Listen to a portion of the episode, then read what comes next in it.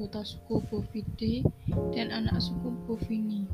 Sapi yang telah dikebiri dan biasanya digunakan untuk membajak sawah dinamakan lembu.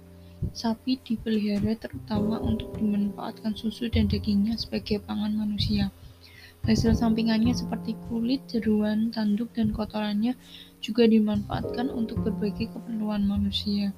Di sejumlah tempat, sapi juga dipakai sebagai penggerak alat transportasi, pengolahan lahan tanam atau bajak, dan alat industri lain seperti permas tebu.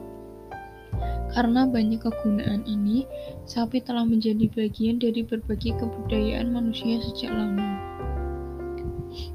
Kebanyakan sapi ternak merupakan keturunan dari jenis liar yang dikenal sebagai Aurochs dalam bahasa Jerman berarti sapi kuno yang sudah punah di Eropa sejak 1627. Namun, terdapat berbagai spesies sapi liar lain yang keturunannya didomestikasi termasuk sapi Bali yang juga diternakan di Indonesia.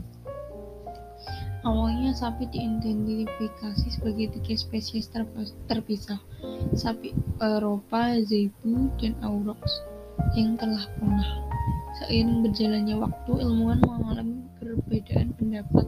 Mereka menganggap Bos Taurus dan Bos keduanya adalah sapi domestik